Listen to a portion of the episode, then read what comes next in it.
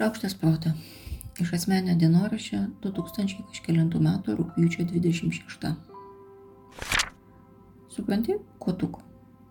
Jeigu nori laimėti pagaliukus, reikia mesti atsainiai. Na, taip arba labai panašiai sakoma pačioje išmintingiausioje knygoje. Nenustoju galvoti, kad kiekvienas sakinys joje yra kažkoks lobis su 50 sluoksnių prasmių. Su tom pastangom lygiai taip ir yra. Nežinau, kada mes taip spėjom sureikšminti pastangas, o ne mokymasi meistrystį ir pakartojimus. Kodėl yra visai pateisinama nepajudėjus nie kiek iš pradinio taško įsižeidus sakyti, bet juk aš stengiausi. Kaip atrodo tas stengimasis, kai suspaudus kumščius įtempi visus raumenius, kietai užsimerkus kažką darom viduj? Tai aišku, kad ne taip žinau ir aš.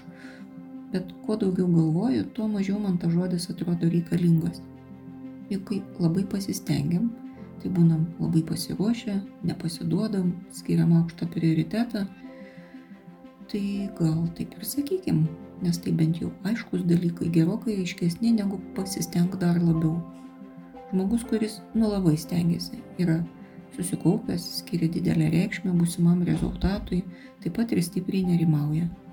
Žmogus, kuris nesistengia, nebūtinai suklys, jis gali būti reikalo meistras ir daryti, ką reikia, visiškai nesijaudindamas. Žmogus, kuris stengiasi, gali pasiekti šiek tiek geresnio rezultato, bet vien nerimo meistrystės kompensuoti neišeina. Mokomės kartodami, o pasistengti ir tik dėl to padaryti greičiau jau laimės reikalas, negu tiesioginio pastangų rezultato. Ir pasisteng reiškia sureikšmink, ką darai pasinervink truputį daugiau. O kam mes iš viso sakome, tau neišeina, nes tu visiškai nesistengi. Arba mokė, arba nemokė.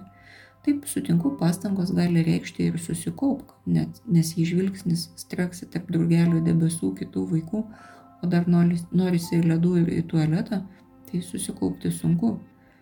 Bet tada tai nėra nesistengti.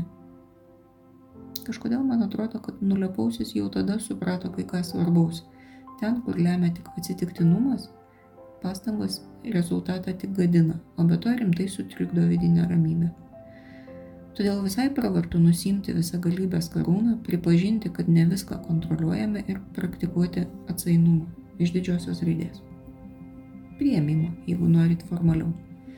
Bandyti, mokytis, kartoti, sutelkti dėmesį, Iškelti aukščiau kitko galime ten, kur realiai kažką galime pakeisti.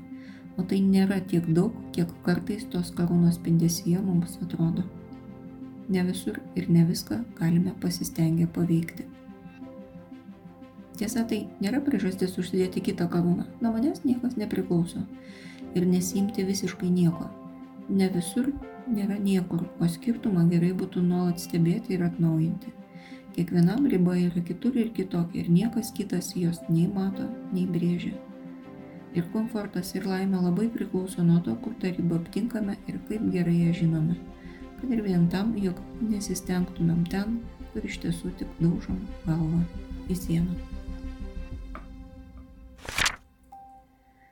Aš Monika Kuzminskaitė, sveikatos ir mytybos psichologė, padedu spręsti kasdienius ir sudėtingus elgesio, mąstymo ir emocijų klausimus rašau, skaitau paskaitas, teikiu individualias psichologinės konsultacijas. Mane rasit socialiniuose tinkluose vardu Šaukštas Proto ir gyvai Vilniuje Goštauto gatvėje. Rašykit man asmenę žinutę socialiniuose tinkluose arba elektroniniu paštu šaukštas.proto atgmail.com.